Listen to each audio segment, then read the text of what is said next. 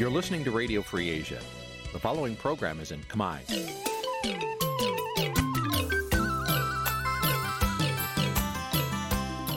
នេះជាកម្មវិធីផ្សាយ Vuthu Azizi Serai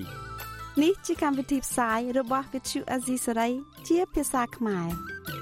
Vuthu Azizi Serai សូមស្វាគមន៍លោកអ្នកនាងទាំងអស់ពីរដ្ឋធានី Washington នៃសហរដ្ឋអាមេរិក ផ្សាយផ្ទាល់ពីរដ្ឋធានី Washington នាងខ្ញុំខែសុណងសូមជម្រាបសួរលោកនាងកញ្ញាប្រិយមិត្តអ្នកស្ដាប់វិទ្យុអាស៊ីសេរីទាំងអស់ជាទីមេត្រីចា៎នាងខ្ញុំសូមជូនកម្មវិធីផ្សាយសម្រាប់ព្រឹកថ្ងៃពុទ្ធ14កើតខែមិញឆ្នាំឆ្លូវត្រីស័កពុទ្ធសករាជ2565ដែលត្រូវនឹងថ្ងៃទី16ខែកុម្ភៈគ្រិស្តសករាជ2022ចាជាដំបូងនេះសូមអញ្ជើញលោកនាងស្ដាប់ព័ត៌មានប្រចាំថ្ងៃដែលមានមេតិការដូចតទៅ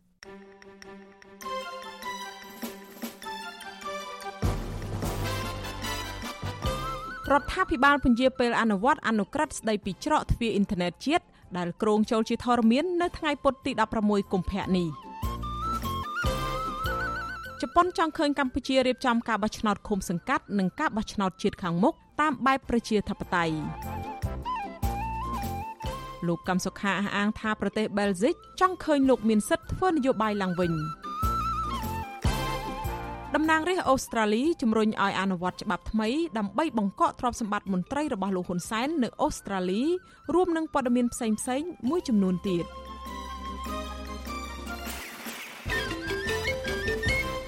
ចាជាបន្តទៅនេះនាងខ្ញុំខែសុណងសូមជូនព័ត៌មានទាំងនេះពិស្ដាចលនានាងជាទីមេត្រីរដ្ឋាភិបាលបានសម្រេចពន្យាពេលអនុវត្តអនុក្រឹត្យស្ដីពីច្រកទ្វារអ៊ីនធឺណិតជាតិដែលក្រុងចូលជាធរមាននៅថ្ងៃពុធទី16កុម្ភៈនេះ អ្នកនាំពាក្យក្រសួងប្រៃសណីនិងទូរគមនាគមន៍លោកមាសប៉ោអះអាងថាការពន្យាពេលនេះដោយសារតែការរាតត្បាតជំងឺ Covid-19 បណ្ដាលឲ្យប៉ះពាល់ដល់ដំណើរការរៀបចំក្រុមហ៊ុន ដែលមានសមត្ថភាពក្នុងការអនុវត្តអនុក្រឹត្យស្ដីពីច្រកទ្វារអ៊ីនធឺណិតជាតិការពន្យាពេលនេះធ្វើឡើងក្រោយពេលមានការរិះគន់ជាហូរហែនិងការបារម្ភពីក្រុមអ្នកការពារសិទ្ធិមនុស្សជាតិនិងអន្តរជាតិអំពីការបង្កើតច្រកទ្វារអ៊ីនធឺណិតជាតិនេះ។ ទោះបីជាយ៉ាងណាក្រសួងការបរទេសកម្ពុជាកាលពីថ្ងៃទី15ខែកុម្ភៈម្សិលមិញបានចេញសេចក្តីប្រកាសព័ត៌មានការពីជំហររបស់រដ្ឋាភិបាលកម្ពុជាជាថ្មីទៀតក្នុងការបង្កើតឧបករណ៍មួយនេះ។ ក្រសួងការបរទេសបានច្រានចោលចំពោះការចោទប្រកាន់មកលើរដ្ឋាភិបាលកម្ពុជា ដែលថាការបង្កើតឲ្យមានច្រកអ៊ីនធឺណិតជាតិគឺដើម្បីអនុញ្ញាតឲ្យអាជ្ញាធរមានសមត្ថកិច្ចត្រួតពិនិត្យនិងតាមដានសកម្មភាពស្ទាក់ចាប់យកព័ត៌មានប្រមូលរក្សាទុក និងចែករំលែកព័ត៌មានទិន្នន័យរបស់អ្នកប្រើប្រាស់ឬបង្កើតឲ្យមានហានិភ័យឬផលប៉ះពាល់ដល់សេរីភាពសម្ដែងមតិរួមមានសិទ្ធិនៅក្នុងការស្វែងរកទទួលនិងផ្សព្វផ្សាយព័ត៌មាន ឬគំនិតព្រមទាំងសិទ្ធិរក្សាការសម្ងាត់និងភាពឯកជនរបស់បុគ្គលនោះគឺគ្មានមូលដ្ឋាននោះឡើយក្រសួងការបរទេសអះអាងថាផ្ទុយទៅវិញរដ្ឋាភិបាលកម្ពុជា តែងតែគោរពសិទ្ធិឯកជនសេរីភាពសម្ដែងមតិនិងការពារទិន្នន័យរបស់បុគ្គលដែលមានចែងនៅក្នុងច្បាប់នានារបស់កម្ពុជាកន្លងមកអ្នកជំនាញអ្នកការពារសិទ្ធិមនុស្សសកម្មជនសង្គមនិងគណៈបកប្រឆាំង បានសម្ដែងការបារម្ភនិងមានមន្ទិលចំពោះការបង្កើតឲ្យមានអនុក្រឹត្យនេះឡើងស្របពេលដែលការបង្ក្រាបឥតស្រាកស្រានរបស់រដ្ឋាភិបាលទៅលើសកម្មជនសង្គមនិងបកប្រឆាំងតាមរយៈអនឡាញក្តីឬមិនតាមអនឡាញក្តីអ្នកការពារសិទ្ធិមនុស្សលើកឡើងថាការតាក់តែងសេចក្តីព្រាងច្បាប់នេះធ្វើឡើងដោយគ្មានដំណាភាពគ្មានការបើកចំហឲ្យមានការចូលរួមពីគ្រោះយោបល់ពីភាគីពាក់ព័ន្ធពេញលេញនិងគ្រប់ជ្រុងជ្រោយហើយថារដ្ឋាភិបាលកម្ពុជាកំពុងយកគំរូ តាមប្រទេសចិនកុម្មុយនីសបង្កើតឲ្យមានឧបករណ៍នេះឡើងដើម្បីបង្ក្រាបទៅលើអ្នកប្រើប្រាស់បណ្ដាញសង្គមនិងអ្នកដែលហ៊ានរិះគន់រដ្ឋាភិបាលនៅតាមបណ្ដាញអនឡាញព្រោះថានៅពេលអនុក្រឹត្យនោះត្រូវបានដាក់ឲ្យអនុវត្តរាល់ចរាចរណ៍តាមអនឡាញទាំងអស់និងត្រូវរត់ឆ្លងកាត់តាមច្រកទ្វារអ៊ីនធឺណិតជាតិមួយនេះ។កន្លងទៅមានអ្នករិះគន់រដ្ឋាភិបាលតាមអនឡាញជាច្រើនត្រូវបានអាជ្ញាធរចាប់ឃុំខ្លួននៅពន្ធនាគារ ក្នុងនោះរួមមានកុមារាកសវណ្ណឆៃដែលមានជំងឺអូទីសឹមនិងជាកូនរបស់សកម្មជនបកប្រឆាំងដែលកំពុងជាប់ឃុំនៅពន្ធនាគារចាលោកនាងកញ្ញាជាទីមេត្រីចារឿងដាច់ដោយឡែកមួយទៀតតកតងទៅនឹងការបោះឆ្នោតវិញជប៉ុនចង់ឃើញកម្ពុជារៀបចំការបោះឆ្នោតក្រុមប្រឹក្សាឃុំសង្កាត់និងការបោះឆ្នោតជាតិខាងមុខប្រព្រឹត្តទៅតាមបែបប្រជាធិបតេយ្យ ជប៉ុនបានបញ្ជាក់ជំហរដូចនេះប្រាប់ទៅកូនប្រុសច្បងលោកនាយករដ្ឋមន្ត្រីហ៊ុនសែនគឺលោកហ៊ុនម៉ាណែតនៅក្នុងជំនួបមួយរវាងលោកជាមួយរដ្ឋមន្ត្រីការបរទេសជប៉ុន លោកយ៉ូស៊ីម៉ាសាហាយ៉ាស៊ីនៅក្រសួងការបរទេសជប៉ុន កាលពីថ្ងៃទី14ខែកុម្ភៈចាលោកមានរិទ្ធរាយការណ៍ព័ត៌មាននេះរដ្ឋមន្ត្រីការបរទេសជប៉ុន បញ្ជាក់ថាជប៉ុននឹងសហការជាមួយកម្ពុជា ដើម្បីធានាថាការបោះឆ្នោតឃុំសង្កាត់និងការបោះឆ្នោតជាតិនៅកម្ពុជានាពេលខាងមុខនេះ ប្រព្រឹត្តទៅដោយមានសម្លេងចម្រុះពីគ្រប់ភាគីពាក់ព័ន្ធក្នុងចំណោមពលរដ្ឋកម្ពុជា ជាការឆ្លើយតបលោកហ៊ុនម៉ាណែតបានសម្ដែងអំណរគុណដល់ភាគីជប៉ុនដែលបានចូលរួមចំណែកដល់ដំណើរការកសាងសន្តិភាព ការកសាងឡើងវិញ និងការអភិវឌ្ឍសេដ្ឋកិច្ចកម្ពុជានេះបើយោងតាមសេចក្តីប្រកាសព័ត៌មានរបស់ក្រសួងការបរទេសជប៉ុនផ្សាយកាលពីថ្ងៃទី14ខែកុម្ភៈ ក្នុងជំនួបនោះដែរក្រសួងការបរទេសជប៉ុនឲ្យដឹងដែរថារដ្ឋមន្ត្រីការបរទេសជប៉ុនក៏បានគូបញ្ជាក់ដែរថាកម្ពុជានិងជប៉ុនមានទំនាក់ទំនងរឹងមាំនិងកំពុងធ្វើការជាមួយគ្នាយ៉ាងជិតស្និទ្ធពាក់ព័ន្ធនឹងបញ្ហាមួយចំនួននៅក្នុងសហគមន៍អន្តរជាតិដែលក្នុងនោះក៏រួមមានទាំងវិបត្តិមីយ៉ាន់ម៉ាឬភូមាផងដែររដ្ឋមន្ត្រីការបរទេសជប៉ុនបញ្ជាក់ថាជប៉ុននឹងបន្តសម្របសម្រួលជាមួយកម្ពុជា នៅក្នុងការឆ្លើយតបទៅនឹងស្ថានភាពនៅប្រទេសមីយ៉ាន់ម៉ាឬភូមាបញ្ហាសមុទ្រចិនខាងត្បូងនិងបញ្ហានៅកូរ៉េខាងជើងជាដើមលោកហ៊ុនម៉ាណែតពុំបានផ្ដល់អធិប្បាយយ៉ាងណាទេជំវិញជំនួបរបស់លោកជាមួយមន្ត្រីជាន់ខ្ពស់ជប៉ុននេះក៏ប៉ុន្តែលោកបានបង្ហោះរូបថតបង្ហាញពីជំនួបជាមួយរដ្ឋមន្ត្រីការបរទេសជប៉ុននិងការចូលជួបសម្ដែងការគួសមជាមួយអគ្គមេបញ្ជាការកងស្វ័យការពារជប៉ុន នៅលើទំព័រ Facebook របស់លោក មេបញ្ជាការកងទ័ពជើងគោកលោកហ៊ុនម៉ាណែតបច្ចុប្បន្នកំពុងបំពេញទស្សនកិច្ចរយៈពេល3ថ្ងៃនៅប្រទេសជប៉ុន ចាប់ពីថ្ងៃទី14ដល់ថ្ងៃទី17ខែកុម្ភៈតបតាមការអញ្ជើញរបស់រដ្ឋមន្ត្រីការពារជាតិជប៉ុន ដើម្បីប្រារព្ធខួបលើកទី30 ដែលជប៉ុនបានបញ្ជូនបុគ្គលិកកងស្វ័យការពារជាលើកដំបូងរបស់ជប៉ុនមកកាន់កម្ពុជា ដើម្បីចូលរួមនៅក្នុងបេសកកម្មថែរក្សាសន្តិភាព របស់អង្គការសហប្រជាជាតិនៅកម្ពុជា កាលពីឆ្នាំ1991ក្នុងដំណើរទស្សនកិច្ចនេះលោកហ៊ុនម៉ាណែតក៏គ្រងជួបជាមួយនាយករដ្ឋមន្ត្រីជប៉ុន លោក Fumio Kishida និងរដ្ឋមន្ត្រីការពារជាតិជប៉ុន លោក Nobio Kishi ផងដែរ ប្រធានចលនាសង្គ្រោះជាតិនៅប្រទេសជប៉ុន លោកហៃវ៉ាណាប្រាវិសុយស៊ីស្រីកាលពីថ្ងៃទី15ខែកុម្ភៈថាពលរដ្ឋខ្មែរនៅប្រទេសជប៉ុនពុំមានគម្រោងធ្វើបាតកម្មប្រឆាំងនឹងវត្តមានរបស់លោកហ៊ុនម៉ាណែតនៅក្នុងប្រទេសជប៉ុននេះទេព្រោះពួកគេគិតថាលោកហ៊ុនម៉ាណែតពុំមានគុណតម្លៃគ្រប់គ្រាន់ លោកថានាយករដ្ឋមន្ត្រីហ៊ុនសែនកំពុងព្យាយាមបង្ហាញមុខមាត់កូនប្រុសច្បងរបស់លោកឲ្យក្រុមមេដឹកនាំនៃប្រទេសលោកស្រី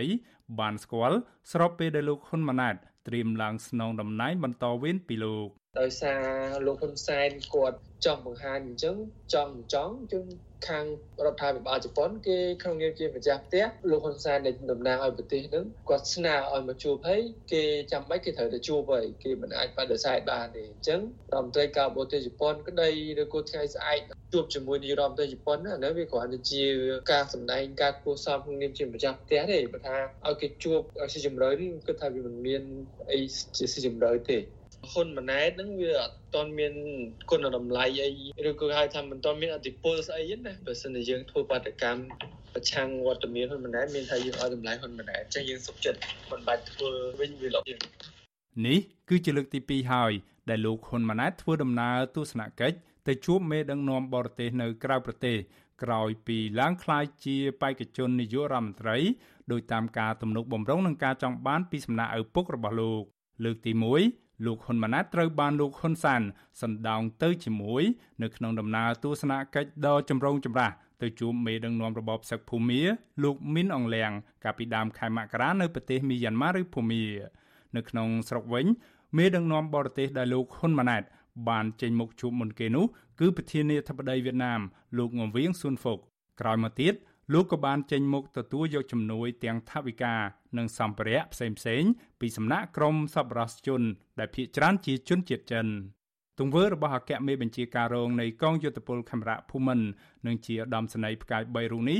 រងនឹងការរិះគន់ពីមន្ត្រីបកប្រឆាំងនិងមន្ត្រីសង្គមស៊ីវិលថាលោកកំពុងដើរតាមគន្លងមិនខុសពីឪពុករបស់លោក នៅក្នុងការពឹងផ្អែកលើជំនួយ និងកម្ចីរបស់បរទេស ជាពិសេសក្រុមអ្នកជំនួញជនជាតិចិន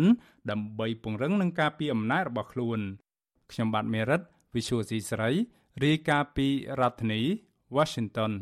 ចាលោករនាងកញ្ញាជាទីមេត្រីចាតកតងទៅនឹងកិច្ចប្រជុំចង្អៀតថ្នាក់រដ្ឋមន្ត្រីការបរទេសអាស៊ានវិញកម្ពុជាបញ្ជាក់ថាមីយ៉ាន់ម៉ាឬភូមានឹងមិនចូលរួមកិច្ចប្រជុំចង្អៀតថ្នាក់រដ្ឋមន្ត្រីការបរទេសអាស៊ាន ដែលកំពុងប្រព្រឹត្តទៅ នៅក្នុងសប្តាហ៍នេះឡើយ អ្នកនាំពាក្យក្រសួងការបរទេសកម្ពុជាលោកជុំសន្តិរីបញ្ជាក់ប្រាប់វិទ្យុអាស៊ីសេរីតាមបណ្ដាញសង្គម Telegram ថាកិច្ចប្រជុំចង្អៀតថ្នាក់រដ្ឋមន្ត្រីការបរទេសអាស៊ានដែលកម្ពុជារៀបចំធ្វើចាប់ពីថ្ងៃទី15ដល់ថ្ងៃទី17ខែកុម្ភៈនៅរាជធានីភ្នំពេញមានការចូលរួមដោយផ្ទាល់ពីរដ្ឋមន្ត្រីការបរទេសអាស៊ាន មកពីគ្រប់ប្រទេសសមាជិកអាស៊ានទាំងអស់លើកលែងតែរដ្ឋមន្ត្រីការបរទេសប្រ៊ុយណេនិងថៃ លោកថារដ្ឋមន្ត្រីការបរទេសនៃប្រទេសទាំងពីរនេះនឹងចូលរួមតាមប្រព័ន្ធវីដេអូ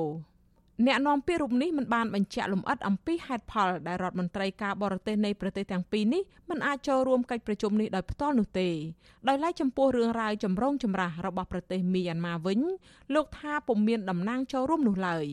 ក្រសួងការបរទេសនៃរបបសឹកភូមាបញ្ជាក់នៅក្នុងសេចក្តីថ្លែងការណ៍មួយកាលពីយប់ថ្ងៃច័ន្ទថា មីយ៉ាន់ម៉ាពុំអាចចូលរួមឬតែងតាំងតំណាងមិនមែនជាអ្នកនយោបាយឲ្យចូលរួមក្នុងកិច្ចប្រជុំនេះបានឡើយដោយសារតែអាស៊ានធ្វើសេចក្តីសម្រេចចិត្តតាមតែអ្វីមួយដែលរបបសឹកភូមាអះអាងថាផ្ទុយទៅនឹងគោលការណ៍និងការអនុវត្តភាពជាតំណាងស្មើភាពគ្នានៅក្នុងអាស៊ានក្រោយរងការរិះគន់ពីរឿងធ្វើឲ្យអាស៊ានបាក់បែកនិងបរាជ័យមិនអាចរៀបចំកិច្ចប្រជុំបើកឆាកដំបូងរបស់អាស៊ានបានដោយត្រូវពន្យាពេលអស់ជិត1ខែរួចមក។ ដោយសារបញ្ហាដ៏ចម្រូងចម្រាសដែលកម្ពុជាចង់ទទួលស្គាល់មេដឹកនាំរដ្ឋប្រហារភូមារួចមកកម្ពុជាបានសម្រេចបន្ទន់អេរយាប័តងាកមកធ្វើតាមជំហររបស់ប្រធានបដូវវេនអាស៊ានចាស់កាលពីឆ្នាំទៅវិញដោយសម្រេចមិនអញ្ជើញមេដឹកនាំរបបសឹកភូមាឲ្យមកចូលរួមកិច្ចប្រជុំអាស៊ានឡើយកម្ពុជាសម្រេចតាមជំហររបស់អាស៊ានជារួមថាតំណាងរបស់ភូមាត្រូវតែមិនមែនជាអ្នកនយោបាយទើបអាចចូលរួមកិច្ចប្រជុំនេះបាន ទន្ទឹមនឹងនេះ ក្រុមមេដឹកនាំនៃបណ្ដាប្រទេសអាស៊ាន ជាពិសេសសិង្ហបុរីឥណ្ឌូនេស៊ីនិងម៉ាឡេស៊ីនៅតែបន្តទាមទារឲ្យរបបសឹកភូមាបញ្ឈប់ការប្រើប្រាស់អំពើហិង្សាមកលើប្រជាពលរដ្ឋភូមានិងអនុញ្ញាតឲ្យប្រេសិតពិសេសអាស៊ានអាចជួបសន្ទនាជាមួយគ្រប់ភាគីពាក់ព័ន្ធនៅក្នុងប្រទេសភូមាដើម្បីដោះស្រាយវិបត្តិនៅប្រទេសនេះ ក្រោយពីរដ្ឋប្រហារយោធាកាលពីខែកុម្ភៈឆ្នាំ2021នៅក្នុងកិច្ចប្រជុំចង្អៀតថ្នាក់រដ្ឋមន្ត្រីការបរទេសអាស៊ាននេះក្រុមរដ្ឋមន្ត្រីការបរទេសអាស៊ាននឹងពិនិត្យមើលឡើងវិញការសម្រេចនានារបស់ថ្នាក់ដឹកនាំអាស៊ាននៅក្នុងកិច្ចប្រជុំកំពូលអាស៊ាន កាលពីឆ្នាំកន្លងទៅ ក្រុមមន្ត្រីជាន់ខ្ពស់អាស៊ានក៏នឹងផ្លាស់ប្តូរទស្សនៈគ្នាឆ្លើយតបទៅនឹងបញ្ហាប្រឈមជាយុទ្ធសាស្ត្រដែលកំពុងកើតឡើងនៅក្នុងតំបន់រួមមានដូចជាការគ្រប់គ្រងជំងឺ Covid-19 ការប្រកួតប្រជែងភូមិសាស្ត្រនយោបាយនិងបញ្ហាសន្តិសុខនៅក្នុងតំបន់ជាដើមអ្នកនាំពាក្យក្រសួងការបរទេសកម្ពុជាលោកជុំសន្តិរីពុំឆ្លើយតបទៅនឹងសំណួររបស់វិទ្យុអាស៊ីសេរីថាតើអាចនឹងមានការលើកឡើងនៅក្នុងកិច្ចប្រជុំនេះពីប្រធានបទជុំវិញការសង្ស័យ ពីរឿងមូលដ្ឋានកងទ័ពចិននៅកម្ពុជា ដែលជាកង្វល់របស់អាមេរិកថាអាចប៉ះពាល់ដល់សន្តិសុខតំបន់នៅក្នុងកិច្ចប្រជុំនេះដែរឬយ៉ាងណានោះទេចាតតតងទៅនឹងរឿងនេះដែរអ្នកជំនាញខាងវិទ្យាសាស្ត្រនយោបាយនិងទំនាក់ទំនងអន្តរជាតិលោកអែមសវណ្ណារាលើកឡើងថាជារឿងល្អដែលកម្ពុជាជាប្រធានបដូវវេនអាស៊ានងាកមករកជំហររបស់អាស៊ានវិញ លោកបញ្ជាក់ថាកិច្ចប្រជុំថ្នាក់រដ្ឋមន្ត្រីការបរទេសអាស៊ាននេះជាកិច្ចប្រជុំសំខាន់មួយដើម្បីកំណត់ពីរបៀបវារៈសំខាន់សំខាន់ដើម្បីឈានទៅរៀបចំកិច្ចប្រជុំផ្សេងផ្សេងទៀតនៅពេលខាងមុខលោកអែមសវណ្ណារាឲ្យដឹងថាកិច្ចប្រជុំចង្អៀតថ្នាក់រដ្ឋមន្ត្រីការបរទេសអាស៊ាននេះគេអាចលើករបៀបវារៈពីរសំខាន់គឺរឿងវិបត្តិនយោបាយនៅមីយ៉ាន់ម៉ាឬភូមា និងរឿងចំនួនសមុទ្រចិនខាងត្បូង។ កិច្ចប្រជុំនឹងវាសំខាន់សម្រាប់រាល់ឆ្នាំបានន័យថាជាកិច្ចប្រជុំបើកក្បាលដំបូងគេបើយើងនិយាយមែនទែនដើម្បីសម្រេចទៅលើរបៀបរយៈការប្រជុំឆ្នាំ2022នេះនិងប្រជុំស្អីខ្លះទី2សម្រេចទៅលើគេហៅថាផែនការឆ្នាំ2021បានទៅអីខ្លះហើយនឹងពិនិត្យមើលថាឆ្នាំ2022ជាទូទៅគេធ្វើអីអាហ្នឹងជាគេហៅថារបៀបរយៈកិច្ចប្រជុំអាស៊ានទូទៅប៉ុន្តែឆ្នាំនេះប្រហែលជាលើកយកបញ្ហាភូមិនីឬជាបញ្ហាក្តៅហ្នឹងមកជជែកហើយនឹងបញ្ហាសម្បត្តិចិនត្បូងហ្នឹងអាចជារបៀបវរៈសំខាន់ដែលលើកមកជជែកហើយនៅក្នុងនោះអាចមានរបៀបរបៀបវរៈផ្សេងផ្សេងទៀតប៉ុន្តែយើងអាចគិតថាបញ្ហាសន្តិសុខនៅក្នុងតំបន់ហ្នឹងពុំមានមួយហើយបញ្ហាសមុទ្រចិនទឹកមួយជាបញ្ហាសំខាន់នៅមុនកិច្ចប្រជុំនេះមកដល់រដ្ឋមន្ត្រីការបរទេសកម្ពុជាលោកប្រាក់សុខុនបានជួបប្រជុំតាមប្រព័ន្ធវីដេអូជាមួយអគ្គលេខាធិការអាស៊ាន និងរដ្ឋមន្ត្រីការបរទេស Norway និយាយអំពីវិបត្តិនៅមីយ៉ាន់ម៉ានេះដែរ សេចក្តីប្រកាសព័ត៌មានរបស់ក្រសួងការបរទេសកម្ពុជានិងអគ្គលេខាធិការអាស៊ានកាលពីថ្ងៃទី14ខែកុម្ភៈកន្លងទៅ បានសង្កត់ធ្ងន់អំពីការបញ្ចប់អំពើហិង្សានៅភូមា និងការកសាងទំនុកចិត្តនិងភាពជឿជាក់ដើម្បីឲ្យភាគីពាក់ព័ន្ធទាំងអស់អាចចូលរួមក្នុងកិច្ចសន្ទនាមួយប្រកបដោយបរិយាបន្នសម្ដៅសម្រេចបាននូវសន្តិភាពយូរអង្វែងនៅក្រៅពីកិច្ចប្រជុំចង្អៀតថ្នាក់រដ្ឋមន្ត្រីការបរទេសអាស៊ាននេះលោកប្រាក់សុខុនដែលជាប្រេសិតពិសេសរបស់អាស៊ាននឹងដឹកនាំប្រតិភូទៅធ្វើទស្សនកិច្ចនៅប្រទេសមីយ៉ាន់ម៉ានៅពេលខាងមុខ រដ្ឋមន្ត្រីប្រតិភូអមនាយករដ្ឋមន្ត្រីលោកបណ្ឌិតកៅកំហួនបានប្រាប់សារព័ត៌មានក្នុងស្រុកកាលពីយប់ថ្ងៃទី15ខែកុម្ភៈម្សិលមិញថាមេដឹកនាំរបបសឹកលោកមីនអងលៀងបានយល់ព្រមឲ្យប្រេសិតពិសេសជួបសមាជិករដ្ឋាភិបាលស្របច្បាប់របស់អ្នកស្រីអង្សានសូជីនៅក្នុងឱកាសប្រេសិតពិសេសទៅធ្វើទស្សនកិច្ចនៅប្រទេសភូមាក្នុងពេលឆាប់ៗនេះ ទោះយ៉ាងណាកន្លងទៅក្រុមអ្នកជំនាញកិច្ចការអន្តរជាតិពុំមានជំនឿថាក្នុងនាមជាប្រធានបដូវវេនអាស៊ាន កម្ពុជាអាចដោះស្រាយបញ្ហាប្រឈមសំខាន់សំខាន់ជាពិសេសបញ្ហាសន្តិសុខនិងនយោបាយនៅក្នុងតំបន់បាននោះទេពួកគេថាកម្ពុជា ដឹកនាំអាស៊ានឆ្នាំ2022នេះក៏ទំនងជាមិនសូវខុសគ្នាពីមុនដែរដែលកម្ពុជាចេញមុខគាំទ្រប្រទេសចិននៅក្នុងរឿងចំនួនដណ្ដើមអធិបតេយ្យលើប្រជុំកោះនៅសមុទ្រចិនខាងត្បូង។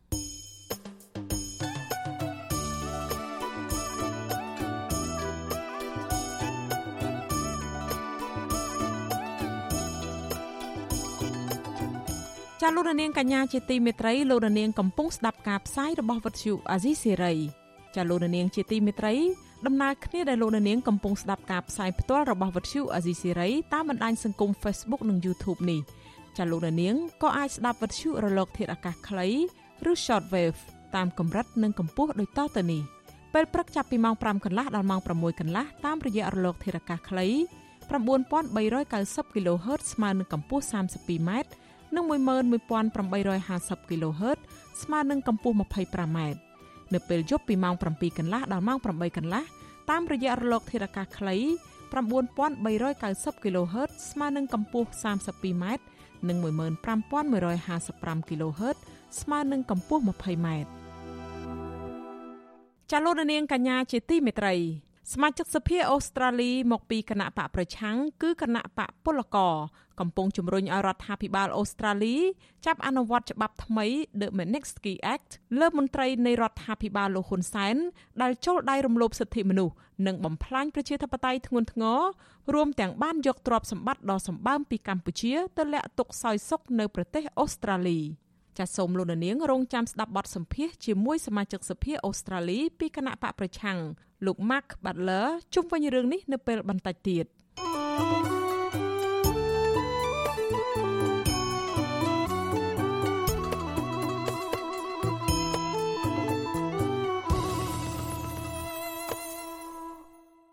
ចលនានាងកញ្ញាជាទីមេត្រីចតកតងទៅនឹងពានរង្វាន់សន្តិភាពវិញ អ្នកខ្លំមើលសង្គមនិងនយោបាយថាលោកហ៊ុនសែនពុំមានលក្ខណៈសម្បត្តិទទួលបានពានរង្វាន់សន្តិភាពឡើយព្រោះมันអាចបញ្ចប់សង្គ្រាមធំធំចំនួន5ទៀតដែលលោកហ៊ុនសែនខ្លួនឯងបង្កើតឡើង ដើម្បីការពារអំណាចផ្ដាច់ការរបស់លោកការលើកឡើងនេះបន្ទាប់ពីលោកនាយករដ្ឋមន្ត្រីហ៊ុនសែនកាលពីពេលថ្មីថ្មីនេះបានទទួលពានរង្វាន់សន្តិភាពពីអង្គការសាសនារបស់ប្តីប្រពន្ធជនជាតិកូរ៉េ2នាក់គឺពានរង្វាន់សុនហៈពីអង្គការសហព័ន្ធសន្តិភាពសកល ដែលមិនមែនជាពានរង្វាន់ Nobel សន្តិភាពពិភពលោកដែលមានកេរ្តិ៍ឈ្មោះល្បីល្បាញនោះទេ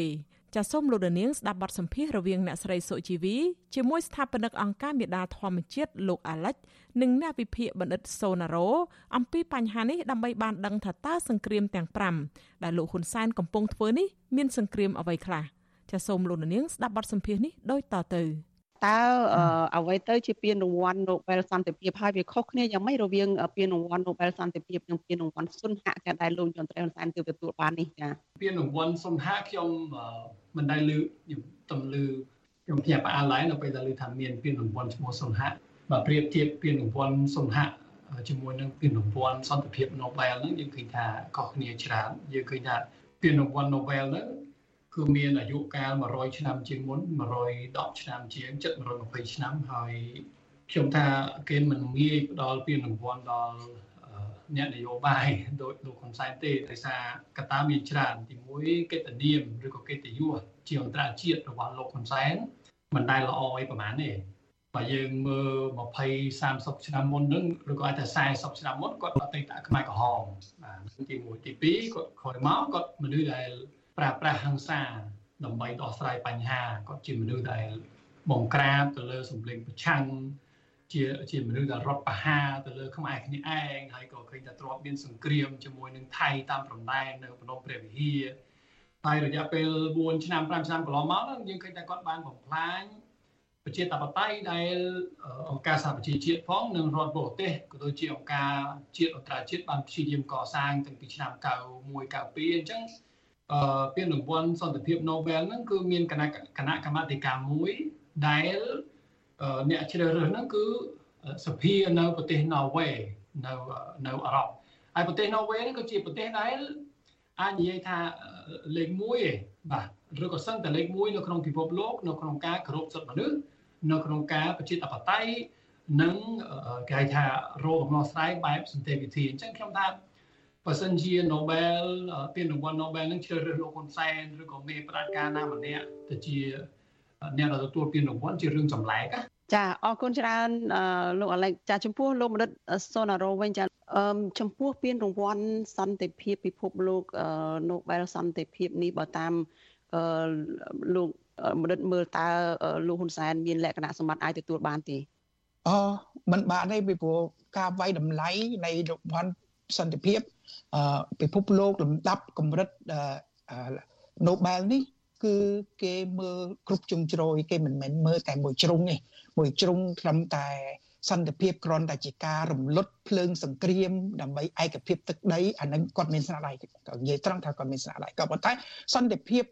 ដែលក្រោមអំណាច កណ្ដាប់នៃដែកនាពេលបច្ចុប្បន្ននេះគឺជាបញ្ហាដែលរែរាំងគាត់មិនឲ្យមានមានស្នាដៃគ្រប់គ្រាន់សម្រាប់វាយតម្លៃសម្រាប់ពានរង្វាន់ Nobel មានន័យថាម៉េចគាត់ក្រមកណ្ដាប់ដែកដែករបស់គាត់បានគាត់រក្សាបានសន្តិភាពមានន័យថាគាត់បង្ក្រាបគ្រប់ភិក្ខីគ្រប់ទិសទីភិក្ខីណាគាត់ទិញបានគាត់ទិញភិក្ខីណាគាត់អូសទាញបានអូសទាញគាត់ជាសន្តិភាពដែលមិនមានស្ថិរភាពមិនមានស្ថិរភាពចាពានរង្វាន់ដែលលោកយមត្រីហ៊ុនសែន ទទួលបាននេះគេសង្ស័យថាមានការទិញដូរផងតើគេអាចទិញពានរង្វាន់បែបនេះបានដែរឬយ៉ាងម៉េចចាលោកអាឡិចខ្ញុំដាក់សំណួរពីរសង្ឃឹមថាលោកហ៊ុនសែនឬក៏អ្នកនាំពាក្យរបស់គាត់ហ្នឹងអាចបកស្រាយបានទីមួយអ្នកណាខ្លះដែលជាអ្នកដែលភាសាអង់គ្លេសហៅ nominate មានន័យថាអ្នកណាដែលជ្រើសរើសគាត់អ្នកណាដែលយកគាត់ទៅជាបេក្ខជនហើយសំណួរទី2ហ្នឹងគឺតកតងជាមួយនឹងលុយលុយ1លានដុល្លារផង ពួកនឹងចំណាយលុយទៅលើកម្មវិធីដែលគេបានទួនឹងឃើញថាមានអ្នកនយោបាយចិនចាស់មួយចំនួនចូលរួមមានទស្សនិកជនច្រើនហ្នឹងអ្នកណាទទួលអ្នកណាចាយលុយបាទអាហ្នឹងគឺជាលុយរបស់មូលនិធិមួយហ្នឹងឬក៏ជាលុយរបស់លោកហ៊ុនសែនខ្លួនឯងផ្ទាល់អាហ្នឹងគឺជារឿងដែលយើងថាសម្រាប់ណាมันបានទទួលព័ត៌មានពេញលេញដោយលំអិតក៏យើងប្រជាពលរដ្ឋខ្មែរនៅតែមានមន្ទិលសង្ស័យពីព្រោះយើងមើល comment តាមបណ្ដាញសង្គមប្រហែលថ្ងៃកន្លងមកហ្នឹងគេរិះគន់ច្រើនណាស់អ្នកខ្លះគេថាពានរង្វាន់ជជុះពានរង្វាន់អត់មានតម្លៃពានរង្វាន់ហ្នឹងក៏បែបខ្លាំងខ្លាយឬក៏អ្នកខ្លះគេថាពានរង្វាន់ហ្នឹងគាត់ប្រគល់ទៅខ្លួនឯងដើម្បីលើកស្ទួយខ្លួនឯងដោយសារអ្នកផ្សេងគឺមិនងាយលើកស្ទួយគាត់ទេបាទចាងាកទៅលោកមនិតសូណារ៉ូតើអាច ទៅរួចទេ ដែលមានករណីទិញពានរង្វាន់ទិញអីនេះតើលោកយមត្រីហ៊ុនសែននឹងពិតជាបានខិតខំប្រឹងប្រែងឬក៏បានចូលរួមនៅក្នុងការវិយតម្លៃនៅក្នុងការជ្រើសរើសចម្រាញ់ពីមនុស្សជាច្រើនអ្នកចូលរួមប្រកួតប្រជែងនឹងដើម្បីបានពានរង្វាន់បានសញ្ញាបត្រនឹងដែរទេដោយអាឡិចលើកឡើងចឹងថាយើងមិនបានឃើញថាតើមានបេក្ខជនណាខ្លះចូលរួមនៅក្នុងការប្រកួតប្រជែងដើម្បីបានពានរង្វាន់នៅពេលនេះនឹងចា៎ អ្វីដែលខ្ញុំធ្លាប់ឃើញកន្លងមកគាត់ក៏បានទទួលពានរង្វាន់នេះសញ្ញាបត្រនោះយើងដឹងហើយវាជាការ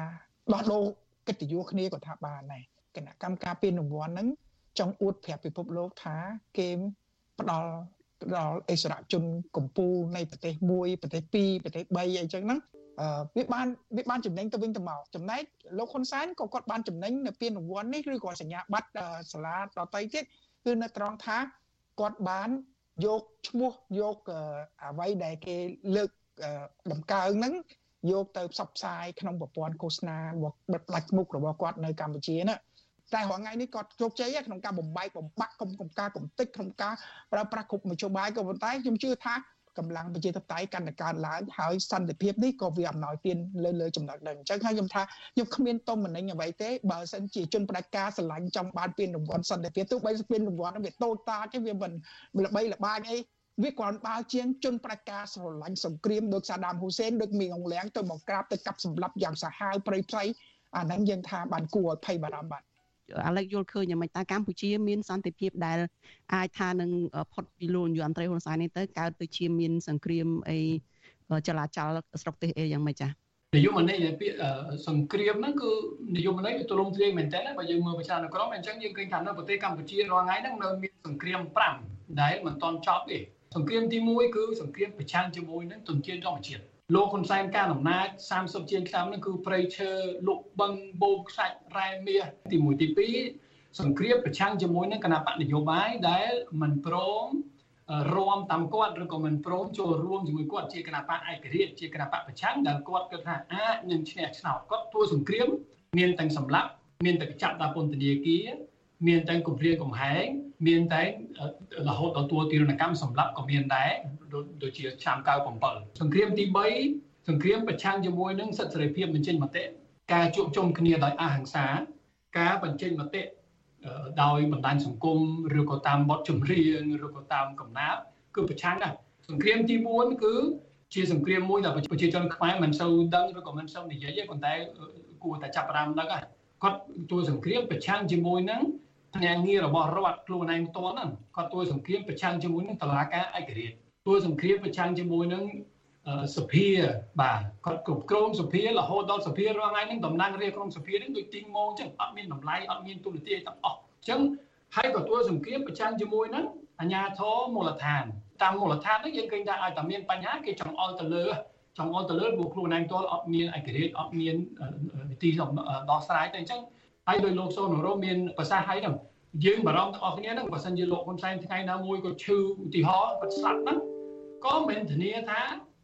มันមានបញ្ហាធ្ងន់ធ្ងរកើតឡើងឯខ្ញុំថាមិនមិនសង្គ្រាមមិនមិនងាយទេប៉ុន្តែបញ្ហាធ្ងន់ធ្ងរអាចនឹងកើតឡើងហើយសង្គ្រាមទី5ចុងក្រោយហ្នឹងគឺសង្គ្រាមប្រឆាំងជាមួយនឹងដីធ្លីរបស់ប្រជាពលរដ្ឋបាទយើងស្ដាប់វិទ្យុស៊ីសេរីខ្ញុំស្ដាប់20ឆ្នាំសឹងតែរងថ្ងៃឯងប្លន់ដីប្រជាពលរដ្ឋនៅជាកលើជាកក្រោមខេត្តនេះខេត្តនោះ ប្រជាពលរដ្ឋរងគ្រោះក៏រាប់សែននាក់ឬក៏អាចជារាប់លាននាក់ប៉ុន្តែតើគួរជាការសាទរទេគួរតែជាការសរសើរទេដែលមេដឹកនាំផ្ដាច់ការមេដឹកនាំដែលមានការធ្វើបាបជាប្រដ្ឋខ្លួនឯងហ្នឹងងាកមកចង់បានពានរង្វាន់សន្តិភាពចំពោះលោកលេខយល់ឃើញយ៉ាងម៉េចចាស់កន្លែងហ្នឹងខ្ញុំឃើញរបបប្រជាការណាក៏ដោយគេចូលចិត្តណាស់រឿងលើកស្ទួយមេប្រជាការម្នាក់ចាត់ទុកជាដូចព្រះអញ្ចឹងបាទកន្លែងណាក៏មានរូបគាត់ ដំណោះស្រាយណាក៏គាត់អាចធ្វើបានដូចជារឿងកូវីដរឿងសង្គ្រាមអីទាំងអស់ហ្នឹងគឺលោកហ៊ុនសែនគឺជាអ្នកធ្វើទាំងអស់អាហ្នឹងគឺតាមប្រព័ន្ធឃោសនារបស់របបប្រជាការអញ្ចឹងគឺជាយុទ្ធសាស្ត្ររបស់គាត់លោកហ៊ុនសែនប្រហែលជាគាត់ច្រឡំទេច្រឡំថាប្រជាជនខ្មែរបច្ចុប្បន្នហ្នឹងគឺដូចប្រជាជនខ្មែរនៅសតវត្ស80ទេបាទអញ្ចឹងគឺទទួលពានរង្វាន់នៅកូរ៉េលើកនេះมันអាចបោកប្រាស់ប្រជាជនបានទេបានតែមួយចំនួនទូចទេបោកបានហ្នឹងគឺពីច្រើនជាអ្នករ៉ូស៊ីជាមួយនឹងរបបប្រជាការបាទ លោកមនិតសុនរោវិញចាសូមខ្លីតើពានរង្វាន់របស់លោកយមត្រេនសែននេះនិយាយឲ្យខ្លីទៅថាមានអត្តន័យយ៉ាងម៉េចចាខ្ញុំក៏លើកទឹកចិត្តឲ្យជនបដិការលេងល្បែងសន្តិភាពក៏ប៉ុន្តែលេងល្បែងត្រូវតែលេងឲ្យវាគ្រប់ដោះបញ្ចប់អាសង្គ្រាមទាំង5ដែលលោកអាឡិចបានលើកឡើងណាទោះបីជាគាត់បានពានរង្វាន់សន្តិភាពក្តីប៉ុន្តែក៏អត់មានដណ្ដើមបានបេះដូងប្រជាពលរដ្ឋជាទូទៅទេអារឿងហ្នឹងហើយក៏ជាឱកាសបើសិនជាគាត់ចង់លេងល្បែងសន្តិភាពគាត់ត្រូវតែ លាងសម្អាតដែលបញ្ហាប៉ុន្តែពេលវេលាគាត់ខ្លីក៏ប្រហែលជាគាត់លាងមិនបានដែរប៉ុន្តែសង្ឃឹមថាគាត់មិនជំរុញឲ្យក្មេងៗចំនួនក្រោយហ្នឹងលេងលបែងរបៀបកុកក្រិចដោយគាត់ចឹងទេបាទចាអរគុណច្រើនជំរាបលាត្រឹមប៉ុណ្ណេះចាចាលោកនាងកញ្ញាជាទីមេត្រីចាលោកនាងទើបបានស្ដាប់បទសម្ភាសន៍រវាងអ្នកស្រីសុជីវីជាមួយស្ថាបនិកអង្គការមេដាធម្មជាតិលោកអាលិចនិងអ្នកវិភាគនយោបាយលោកបណ្ឌិតសូណារ៉ូស្ដីអំពីលោកហ៊ុនសែនពុំមានលក្ខណៈសម្បត្តិទទួលបានពានរង្វាន់សន្តិភាព ព្រោះมันអាចបញ្ចប់សង្គ្រាមធំធំចំនួន5នៅកម្ពុជា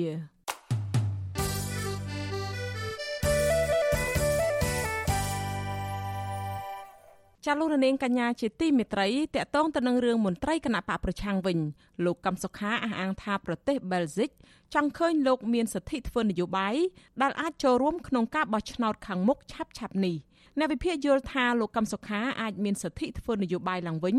លុះត្រាមេដឹកនាំគណៈបកប្រឆាំងរូបនេះប្រឹងរើខ្លួនដោយប្រើសិទ្ធិសេរីភាពតាមច្បាប់ឲ្យคล้ายជាអ្នកនយោបាយសកម្មជាងសពថ្ងៃនេះចាលោកទីនសាការីយ៉ារាយការណ៍ព័ត៌មាននេះប្រទេសបែលហ្សិកដែលជាប្រទេសលោកសេរីបង្ហាញចំហថាចង់ឃើញកម្ពុជាដើរលើផ្លូវប្រជាធិបតេយ្យសេរីពហុបកដោយដែលមានចែងនៅក្នុងរដ្ឋធម្មនុញ្ញដែលជាច្បាប់កម្ពុជារបស់កម្ពុជា សំណើបែបនេះគណៈកម្ពុជាដឹកនាំដោយគណៈបកប្រជាជនកម្ពុជារបស់លោកហ៊ុនសែនបានរំលាយគណៈបកសង្គ្រោះជាតិកាលពីឆ្នាំ2017ប្រធានគណៈបកសង្គ្រោះជាតិលោកកម្មសខាលើកឡើងតាមរយៈទំព័រ Facebook របស់លោកនៅថ្ងៃទី15កុម្ភៈថារដ្ឋាភិបាលបែលហ្សិកបានយកចិត្តទុកដាក់តាមស្ថានភាពនយោបាយកម្ពុជាលោកបន្តថាប្រទេសជាសមាជិកដ៏សំខាន់នៃសហភាពអឺរ៉ុបមួយនេះចង់ឃើញលោកមានសិទ្ធិពេញលេញសិទ្ធិសេរីភាពនយោបាយដែលអាចចូលរួមក្នុងការបោះឆ្នោតបាននាពេលខាងមុខឆាប់ៗនេះ លោកកម្មសខាថ្លែងឲ្យដឹងដូចនេះក្នុងជំនួបរវាងលោកជាមួយឯអគ្គរដ្ឋទូតថ្មីនៃប្រទេសបែលហ្សិកប្រចាំ4ប្រទេសគឺកម្ពុជាថៃឡាវនិងភូមាគឺនៅជ្រៃស៊ីប៊ីលដកាត់ជេនៅថ្ងៃទី15កុម្ភៈការលើកឡើងរបស់ឯអគ្គរដ្ឋទូតប្រទេសបែលហ្សិកនៅពេលនេះស្របពេលដែលសាលាដំបងរាជធានីភ្នំពេញកំពុងបន្តសវនាការជំនុំជម្រះរឿងក្តីលោកកម្មសខាកន្លងមកហើយតុលាការនឹងក្រុងបន្តសវនាការនៅថ្ងៃទី16កុម្ភៈនេះ ទោះជាយ៉ាងណាមេធាវីលោកកម្មសខាចង់ឃើញតុលាការកាត់ក្តីឲ្យបានយ៉ាងតិច5ថ្ងៃក្នុងមួយសប្តាហ៍ដើម្បីពន្លឿនដំណើរការរឿងក្តីនេះឲ្យបានឆាប់ខណៈលោកកម្មសខារងការចាប់ប្រកាន់អស់រយៈពេល4ឆ្នាំមកហើយប៉ុន្តែតុលាការមិនទាន់រកឃើញថាលោកមានទោសឬគ្មានទោសនៅឡើយទេលោកកម្មសខាក៏ឲ្យដឹងកាលពីពេលថ្មីថ្មីនេះថាអាយអគ្គរដ្ឋទូតសហភាពអឺរ៉ុបនិងអ្នកការទូតតំណាងប្រទេសនានាផ្សេងទៀតក៏បានចាប់អារម្មណ៍ចំពោះភាពអយុត្តិធម៌និងសេរីភាពរបស់លោកចំពោះការពន្យាពេលការលើកពេល និងការយឺតយ៉ាវនៃដំណើរការសវនាការរឿងក្តីរបស់លោកនេះដែរលោកកម្មសខាត្រូវបានសមត្ថកិច្ចចាប់ខ្លួនដោយចាប់ប្រកាន់ពីបទក្បត់ជាតិនិងចោទថាបានខົບខិតជាមួយសហរដ្ឋអាមេរិកដើម្បីផ្ដួលរំលំរដ្ឋាភិបាលកាលពីឆ្នាំ2017ជុំវិញនឹងករណីនេះវិទ្យុអាស៊ីសេរីមិនអាចសុំការឆ្លើយតបពីប្រធានសាលាដំបងរាជធានីភ្នំពេញលោកតាំងសុនឡាយនិងប្រធានលេខាធិការដ្ឋានសាលាដំបងរាជធានីភ្នំពេញលោកអ៊ីរិនបានទេនៅថ្ងៃទី15កុម្ភៈ ទោះជាណាអ្នកនាំពាក្យគណៈបកប្រជាជនកម្ពុជាលោកសុកអេសានឆ្លើយតបចំពោះការចង់បានរបស់ឯកអគ្គរដ្ឋទូតប្រទេសបែលហ្សិកនៅពេលនេះថាសំណុំរឿងនេះស្ថិតនៅក្នុងដៃតុលាការហើយការសម្រេចបែបណានោះគឺជាសិទ្ធិរបស់តុលាការគ្មានជនបរទេសណាអាចមកបង្ខំបានទេលោកនៅតែចោទប្រកាន់ថាលទ្ធផលដែលលោកកម្មសខាបាត់បង់សិទ្ធិធ្វើនយោបាយនៅពេលនេះព្រោះផ្អែកលើភស្តុតាងវីដេអូដែលលោកកម្មសខាបានថ្លែងនៅប្រទេសអូស្ត្រាលីកាលពីឆ្នាំ2013 នេះជាការសម្ដែងចិត្តគំនិតរបស់គាត់ទេ វាមិនមែនត្រឹមតែទូតបែលសិចទេទូតបារាំងក៏ដោយទូតអាល្លឺម៉ង់ក៏ដោយតែតែតែជួបគាត់គេចង់ឃើញគាត់មានសិទ្ធិធ្វើនយោបាយឡើងវិញ ជាទូទៅណាជារួមអញ្ចឹងគឺថាតាំងពីគាត់ជួបមកប្រហែលខែប្រហែលថ្ងៃហើយវាអត់ទាន់ឃើញបានមានសិទ្ធិធ្វើនយោបាយឡើងវិញផងហ្នឹងអាហ្នឹងវាបានន័យថាករណីកម្មសការកំពុងស្ថិតនៅក្នុងដំណើរការនីតិវិធីរបស់តុលាការ ទោះបីជានេះក្តីនៅវិភាគនយោបាយដែលកំពុងតែភៀសខ្លួននៅប្រទេសហ្វាំងឡង់លោកកឹមសុខយល់ថាការលើកឡើងរបស់ឯកអគ្គរដ្ឋទូតប្រទេសបែលហ្សិកនៅពេលនេះជាការបញ្ជាក់ថាសហគមន៍អន្តរជាតិនៅតែចង់ឃើញការប្រកបប្រជែងក្នុងការបោះឆ្នោតឆ្នាំ2022និងឆ្នាំ2023ខាងមុខមានការចូលរួមពីគណៈបកសង្គ្រោះជាតិដែលជាគណៈបកដែលមានកម្លាំងប្រដុំប្រសងអាចប្រកួតប្រជែងជាមួយគណៈបកកណ្ដាលអំណាចបានលោកកឹមសុខបន្តថាលោកកឹមសុខាដែលជាមេដឹកនាំគណៈបកប្រឆាំងនឹងកំពុងរងភាពអយុត្តិធម៌ គួរតែប្រឹងរើខ្លួនដោយប្រើសិទ្ធិសេរីភាពតាមច្បាប់ឲ្យคล้ายជាអ្នកនយោបាយសកម្មជាងសពថ្ងៃនេះហ៊ានបន្លឺសំឡេងស្របច្បាប់ចន្លោះដែលច្បាប់អនុញ្ញាតឲ្យធ្វើឧទាហរណ៍កោតកម្មអហិង្សាដើម្បីបញ្ជាក់ថាមេដឹកនាំនយោបាយនេះនេះនោះចង់បានសិទ្ធិចូលរួមប្រកួតខ្លាំងណាស់ទើបមានការប្រែប្រួលដែលអាចជាទីសង្ឃឹមចាប់តាំងពីលោកកម្មសខាត្រូវបានតឡាការលើកបំរាមអាចឲ្យជួបអង្គទូតប៉ុន្តែមិនអាចចេញក្រៅប្រទេស និងមានសិទ្ធិធ្វើនយោបាយឡើងវិញបានកាលពីឆ្នាំ2019មកប្រធានគណៈបកប្រឆាំងរូបនេះតែងតែត្រូវបានអង្គទូតនានាចូលជួបសួរសុខទុក្ខនិងចង់ឃើញលោកកម្មសខាមានសិទ្ធិសេរីភាពអាចធ្វើនយោបាយឡើងវិញលោកកម្មសខាក៏ធ្លាប់បង្ហាញពីក្តីសង្ឃឹមថាចង់ឃើញតឡាការទម្លាក់បទចោទលើលោកដើម្បីបង្ហាញពីការផ្សះផ្សាជាតិឡើងវិញខ្ញុំទីនសាការីយ៉ាអសិលសេរីប្រធានីវ៉ាស៊ីនតោន ចាលោករនាងកញ្ញាជាទីមេត្រីសំណុំរឿងនៅឯសាលាដំបងរាជធានីភ្នំពេញវិញចៅក្រមសាលាដំបងរាជធានីភ្នំពេញបានសម្រេចលើកពេលសវនាការសំណុំរឿងបទញុះញង់និងបទរួមគំនិតក្បត់របស់អ្នកជំនាញច្បាប់និងនយោបាយអន្តរជាតិកញ្ញាសេងធីរីទៅសប្តាហ៍ក្រោយបន្តទៀតតាមសំណើរបស់មេធាវីប៉ុន្តែចៅក្រមបន្តឃុំខ្លួនសកម្មជនគណៈបកប្រឆាំងចំនួន3រូបទៀតក្នុងសំណុំរឿងជាមួយគ្នានេះលើសនីតិវិធីច្បាប់ ចាលោកយុនសាមៀនរាយការណ៍ព័ត៌មាននេះតុលាការមិនបានពិនិត្យលើសំណុំរឿងបទចោទញុះញង់និងរួមគំនិតក្បត់របស់កញ្ញាសេងធីរីនៅថ្ងៃទី15កុម្ភៈនេះតាមគម្រោងបានទេដោយសារមេធាវីលោកជួងជូងីនិងជនជាប់ចោទគឺកញ្ញាសេងធីរីត្រូវធ្វើចតាឡេស័កនៅផ្ទះរៀងៗខ្លួនតុលាការបានសម្រេចលើកពេលសវនាការនេះទៅថ្ងៃទី22កុម្ភៈវិញប៉ុន្តែនៅក្នុងពេលដែលចៅក្រមប្រកាសបើកសវនាការនោះសកម្មជនគណៈបកប្រឆាំងដែលកំពុងជាប់ឃុំចំនួន3នាក់ គឺលោកហេងច័ន្ទសុធីលោកកកុម្ភានិងទុំប៊ុនថននិងមេធាវីរបស់ពួកគេដែលមានវត្តមាននៅតុលាការបានរិះគន់តុលាការដែលបានបន្តឃុំខ្លួនពួកគេលើសនីតិវិធី ដែលច្បាប់តម្រូវឲ្យមានការកាត់ក្តីឬក៏ត្រូវដោះលែងនៅចំពោះមុខចៅក្រមសកម្មជនគណៈបកប្រឆាំងទាំង3នាក់បានលើកដៃព្រមព្រមគ្នាដើម្បីស្នើសុំប្រើប្រាស់សិទ្ធិតតាំងក្តី ប្រធានក្រុមប្រឹក្សាជំនុំជម្រះលោករស់ពិសិដ្ឋបានអនុញ្ញាតឲ្យលោកទុំបន្ថននិងលោកកកកុម្ភានិយាយម្នាក់ម្ដងពួកគាត់ទាំងពីរនាក់បានបដិញ្ញាស្រដៀងគ្នាថាទោះត្រូវចៅក្រមកាត់ទោសឲ្យពួកគាត់ជាប់ពន្ធនាគារមួយជីវិតក៏ពួកគាត់មិនញញើតដែរប៉ុន្តែតុលាការមិនត្រូវយកពួកគាត់មកឃុំចោលហើយពន្យាពេលសវនាការមិនព្រមកាត់ក្តីពួកគេម្ដងហើយម្ដងទៀតដូច្នេះទេពួកគាត់ចាត់ទុកទង្វើរបស់ចៅក្រមនេះខុសនីតិវិធីផ្លូវច្បាប់ ចំណែកមេធាវីកាន់ក្តីឲ្យសកម្មជនទាំង3នាក់គឺលោកសំសុគង្គក៏បានប្រតិកម្មក្នុងសវនាការនេះដែរលោកបញ្ជាក់ទៅចៅក្រមថាការពន្យាពេលសវនាការនេះជាការប៉ះពាល់ដល់សិទ្ធិទទួលបានសវនាការឆាប់រហ័សនិងសិទ្ធិទទួលបានដំណឹងនៃការសម្រេចក្តីរបស់ពួកគេ ដោយមានសាលដីកាលោកមេធាវីអះអាងទៀតថាតឡាកាបានឃុំកូនក្តីរបស់លោកទាំង3នាក់បណ្ដោះអាសន្នខុសនីតិវិធីផ្លូវច្បាប់ ដែលតម្រូវឲ្យឃុំខ្លួនបណ្ដោះអាសន្នអាចធ្វើឡើងបានយ៉ាងយូរបំផុតត្រឹម18ខែប៉ុន្តែមកទល់ពេលនេះពួកគាត់ម្នាក់ម្នាក់ជាប់ពន្ធនាគារជាង20ខែឬជិត2ឆ្នាំហើយក្រោយប្រតិកម្មនេះចៅក្រមរស់ពិសិដ្ឋស្នើសុំពេលពិចារណាចំនួន3នាទីប៉ុន្តែនៅនាទីចុងក្រោយចៅក្រមរស់ពិសិដ្ឋបានសម្រេចរក្សាការសម្រេចឃុំខ្លួនអ្នកទាំង3នាក់ដដែល អ្នកខ្លំមើលនៅក្នុងបន្ទប់សវនាការដូចជាតំណាងស្ថានទូតសង្គមស៊ីវិលនិងសាច់ញាតិសម្ដែងការខកចិត្តចំពោះសេចក្តីសម្រេចចិត្តរបស់តុលាការនេះថ្លែងប្រាប់អ្នកសារព័ត៌មាននៅក្រៅតុលាការលោកមេធាវីសំសុគង្គសោកស្ដាយចំពោះការសម្រេចរបស់ចៅក្រមលោកស្នើសុំចៅក្រមពិចារណាសារជាថ្មី ដោយគួរតែដោះលែងកូនក្តីរបស់លោកទាំង3នាក់ឲ្យនៅក្រៅឃុំបណ្ដោះអាសន្នសិន សូមឲ្យកូនក្តីនឹងបាននៅក្រៅគុំជិបដល់អសន្នហើយសាវនាការអាចបញ្ជាពេលទៀតក៏បានដែរឲ្យតែពួកគាត់បាននៅក្រៅគុំជិបដល់អសន្នចំណែកសាច់ញាតិរបស់អ្នកជាប់ឃុំទាំង3នាក់ក៏ខកចិត្តចំពោះចៅក្រមរੂពិសិដ្ឋខ្លាំងដែរប្រពន្ធរបស់លោកកកកំភាគឺលោកស្រីព្រំចន្ទថារិះគន់ថាការសម្រេចក្តីនេះគឺជាការបន្ថែមភាពអយុត្តិធម៌បន្ថែមទៀតសម្រាប់លោកកកុម្ភាព្រោះលោកមិនបានញុះញង់ឬរួមគំនិតក្បត់ជាតិឬក៏ប្រព្រឹត្តកំហុសអ្វីឡើយ លោកស្រីព្រំចន្ទថាសំណុំពរឲ្យលោកនាយករដ្ឋមន្ត្រីហ៊ុនសែនអន្តរាគមទៅតុលាការឲ្យកាត់ក្តីសកម្មជនគណៈបកប្រឆាំងទាំង3នាក់នេះឲ្យបានឆាប់លោកស្រីក៏អង្វរឲ្យរដ្ឋាភិបាលបញ្ឈប់ការធ្វើបាបគ្រួសារលោកស្រីទៀតព្រោះអាជ្ញាធរបានចាប់ឃុំខ្លួនលោកកកកំភាតាំងពីគាត់មានសុខភាពល្អរហូតដល់ធ្លាក់ខ្លួនឈឺរ៉ាំរ៉ៃគ្មានថ្នាំព្យាបាលនៅក្នុងពន្ធនាគារ ប្រាស់គ្រួសាររយៈពេល20ខែ15ថ្ងៃហើយអ្នកខ្លះក៏2ឆ្នាំហើយអញ្ចឹងលោកក៏មានកូនលោកក៏មានប្រពន្ធលោកក៏មានចៅលោកគួរគិតថាតើមនោសញ្ចេតនាប្តីប្រពន្ធនិងកូនចៅតើយ៉ាងម៉េចដែរជុំវិញការសម្រេចបន្តឃុំសកម្មជនគណៈបកប្រឆាំងទាំង3នាក់ហួសនីតិវិធីឃុំខ្លួនបណ្ដោះអាសន្ននេះវិទ្យុអាស៊ីសេរីមិនអាចសុំការបញ្ជាក់ពីអ្នកនាំពាក្យសាលាដំបងរាជធានីភ្នំពេញលោកអ៊ីរ៉ានបានទេនៅថ្ងៃទី15កុម្ភៈសម្រាប់ក្រុមឃ្លាំមើលសិទ្ធិមនុស្សវិញ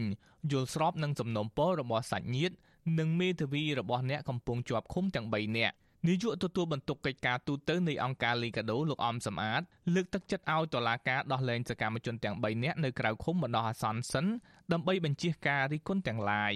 ករណីនេះថាជាដំណើរការលើខែផលអំពីវិធីកំពុងតែដំណើរការប៉ុន្តែបើយើងនិយាយអំពីសិទ្ធិរបស់ជនដែលត្រូវចោទដែលគង់ជាប់គុកដល់វាផលសិទ្ធិរបស់គា ត់តុលាការបានឃុំខ្លួនសកម្មជនគណៈបកប្រឆាំងទាំង3នាក់ក្នុងបទចោទញុះញង់និងរួមគំនិតក្បត់ពាក់ព័ន្ធករណីបង្ហោះសារគាំទ្រផែនការវិលចូលស្រុកកាលពីឆ្នាំ2019របស់ប្រធានស្ដីទីគណៈបកសង្គ្រោះជាតិលោកសំរងស៊ីតុលាការបានចោទប្រកាន់មនុស្សជាង40នាក់ក្នុងសំណុំរឿងនេះរួមទាំងក្រុមមេដឹកនាំគណៈបកប្រឆាំងកំពុងរស់នៅក្រៅប្រទេសផងដែរខ្ញុំយុនសាមៀនវិទ្យុអាស៊ីសេរីប្រធានាធិបតី Washington ចាលោកនាងកញ្ញាជាទីមេត្រីលោកនាងកំពុងស្ដាប់ការផ្សាយរបស់វិទ្យុអាស៊ីសេរីចាតកតងទៅនឹងអំពើរំលោភបំពានផ្លូវភេទទៅលើកុមារវិញអតីតមេបញ្ជាការកងទ័ពជើងទឹកម្នាក់ត្រូវបានតុលាការសហរដ្ឋអាមេរិកកាត់ទោសឲ្យជាប់ពន្ធនាគារចំនួន210ឆ្នាំពីបទរំលោភផ្លូវភេទលើកុមារីខ្មែរនៅប្រទេសកម្ពុជាគេហទំព័រក្រសួងយុតិធធសហរដ្ឋអាមេរិកកាលពីថ្ងៃទី14ខែកុម្ភៈឲ្យដឹងថាអ្នកស្រីចៅក្រម Del Fisher បានកាត់ទោសអតីតនាយទាហានចូលនិវត្តន៍លោក Michael Joseph Pepe អាយុ68ឆ្នាំឲ្យជាប់ពន្ធនាគារជាង200ឆ្នាំ លើកឡើងថាទង្វើរបស់ទណ្ឌិតរូបនេះគឺជាអំពើទរណកម្មដ៏ព្រៃផ្សៃនិងយងខ្នងជាទីបំផុតលើកុមារីខ្មែរដែលមិនអាចពិពណ៌នាបានចៅក្រមរូបនេះបន្តថាទណ្ឌិតរូបនេះនឹងមិនអាចដោះលែងឲ្យនៅក្រៅឃុំជាដាច់ខាត ចៅក្រមនឹងកំណត់ពេលសវនាការសំណងដល់ជនរងគ្រោះនៅថ្ងៃទី28ខែកុម្ភៈខាងមុខក្នុងអំឡុងពេលបើកសវនាការរយៈពេល7ថ្ងៃកាលពីខែសីហាឆ្នាំ2021ជនរងគ្រោះជាកុមារីចំនួន8នាក់ក្នុងនោះមានកុមារីម្នាក់ទើបមានអាយុ9ឆ្នាំនៅពេលត្រូវបានចាប់រំលោភបានរៀបរាប់ពីទង្វើដ៏យង់ឃ្នងរបស់ទណ្ឌិតរូបនេះម្នាក់ម្ដងម្នាក់ម្ដងពួកគេថាទណ្ឌិត Michael គឺជាគ្រូបង្រៀនភាសាអង់គ្លេស បានឲ្យពួកគេប្រើប្រាស់គ្រឿងញៀនចងវាយធ្វើបាប និងចាប់រំលោភពួកគេក្នុងសវនាការនោះដែររដ្ឋអាជ្ញាក៏បានបង្ហាញវីដេអូដែលទណ្ឌិតរូបនេះបានថតចងក្រងទុករូបអាភាសរបស់កុមារទាំងនោះផងដែរ លោក Michael Joseph Pepe ត្រូវបានឃាត់ខ្លួនកាលពីឆ្នាំ2006នៅប្រទេសកម្ពុជានិងបានបញ្ជូនមកដាក់ពន្ធនាគារសហព័ន្ធនៅសហរដ្ឋអាមេរិកតាំងពីឆ្នាំ2007ប៉ូលីសជាតិកម្ពុជានិងភ្នាក់ងារស៊ើបអង្កេតពីក្រសួងសន្តិសុខជាតិអាមេរិកបានសហការគ្នាស៊ើបអង្កេតករណីរំលោភបំពានផ្លូវភេទនេះ។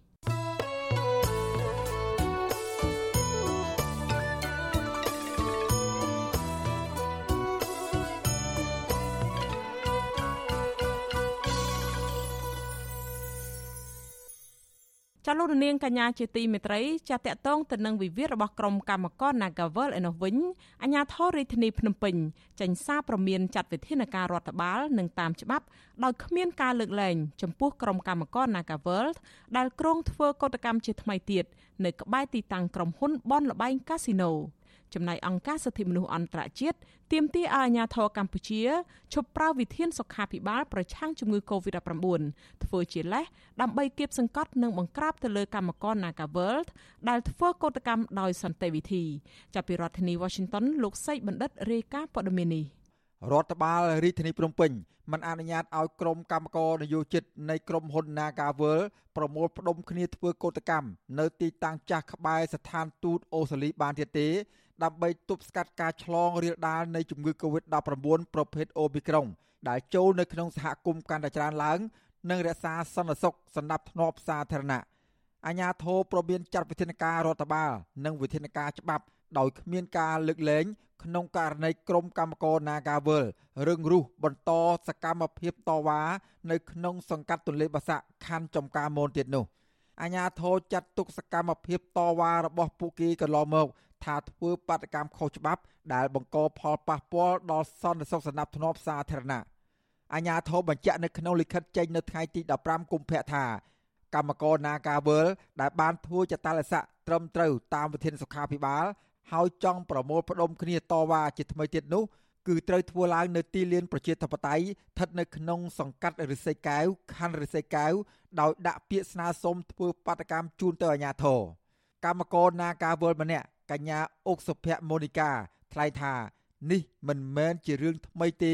សម្រាប់ក្រុមកម្មករ Nagavel ដែលបានធ្វើបាតកម្មទាមទាររោគដំណោះស្រាយការងារហើយមានការចាប់ខ្លួនតំណាងសហជីពកម្មករជាបន្តបន្ទាប់និងប្រើវិធានការសុខាភិបាល ប្រឆាំងនឹងជំងឺ Covid-19 ដើម្បីបំបែកពួកគាត់មិនឲ្យតវ៉ាបន្តទៅទៀតកញ្ញាបន្តថា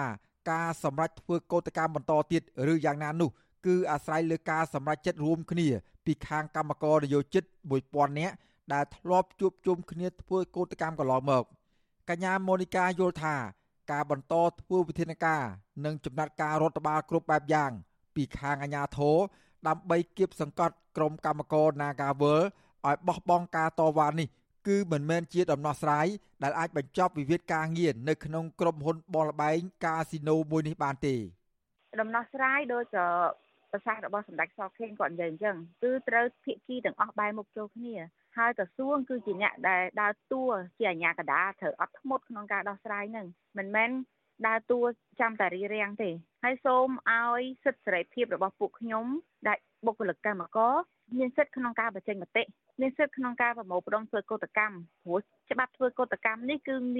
មាននៅក្នុងរដ្ឋធម្មនុញ្ញនិងបានការពារដោយរដ្ឋ វិទ្យុអាស៊ីសេរីនៅពុំទាន់អាចសុំការឆ្លើយតបអំពីរឿងនេះពីអ្នកនាំពាក្យសាលារាជធានីភ្នំពេញលោកមេតមាសភក្តីបានទេ នៅថ្ងៃទី15ខែកុម្ភៈ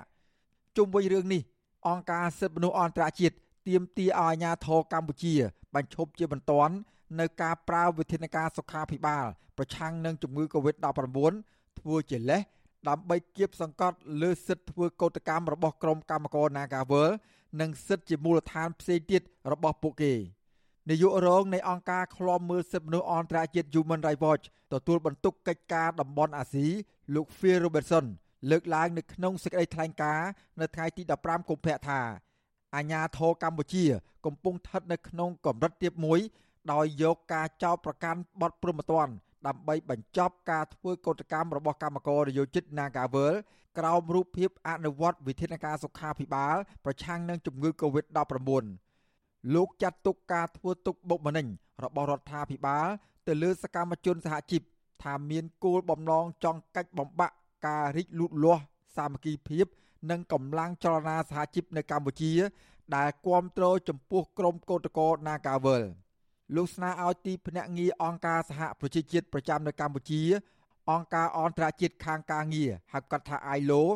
និងបណ្ដាស្ថានទូតបរទេសទាំងអស់គួរជំរុញទៅរដ្ឋាភិបាលដើម្បីឲ្យមានការដោះលែងសកម្មជនសហជីពដែលកំពុងជាប់ឃុំជាបន្ទាន់និងដោយឥតលក្ខខណ្ឌ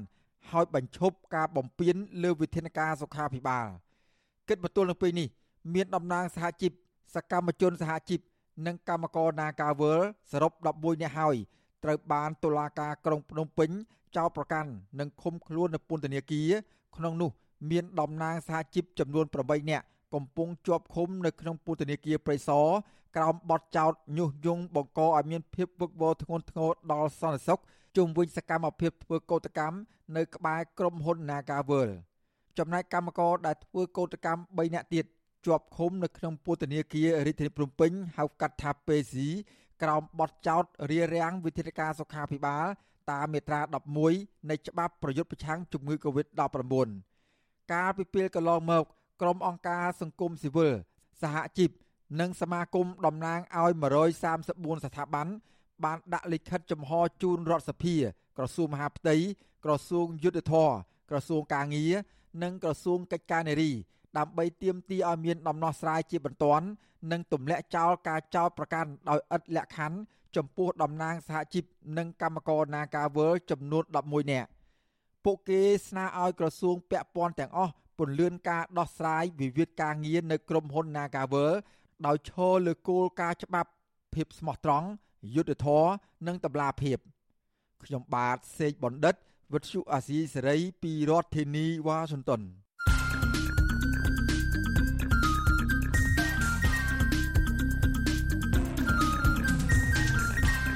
បទសំភារ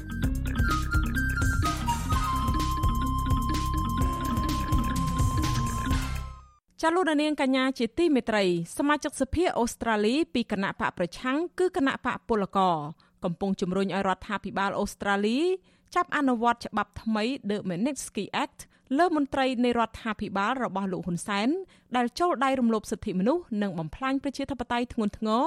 រួមទាំងបានយកទ្រព្យសម្បត្តិដ៏សម្បើមពីកម្ពុជាទៅលាក់ទុកសោយសុខនៅប្រទេសអូស្ត្រាលី។ចាសសូមលោកនាងស្ដាប់បទសម្ភាសន៍រវាងអ្នករាយការណ៍ព័ត៌មានវັດឈូអាស៊ីសេរីលោកមួងណារ៉េតជាមួយសមាជិកសភាអូស្ត្រាលីពីគណៈបកប្រឆាំង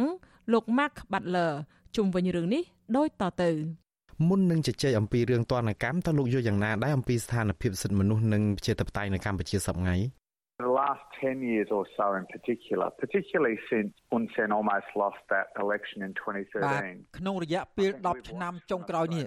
ជាពិសេសតាំងពីលោកហ៊ុនសែន វិសតែនឹងចាញ់ឆ្នោតនៅឆ្នាំ2013នោះមកយើងតាមដានមើលពីប្រទេសអូស្ត្រាលីឃើញប្រទេសកម្ពុជាចាប់ផ្ដើមដាំក្បាលចុះទៅរករបបប្រឆាំងនឹងប្រជាធិបតេយ្យវិញរបបលោកហ៊ុនសែនបានឈានដល់ចំណុចកំពូលនៅឆ្នាំ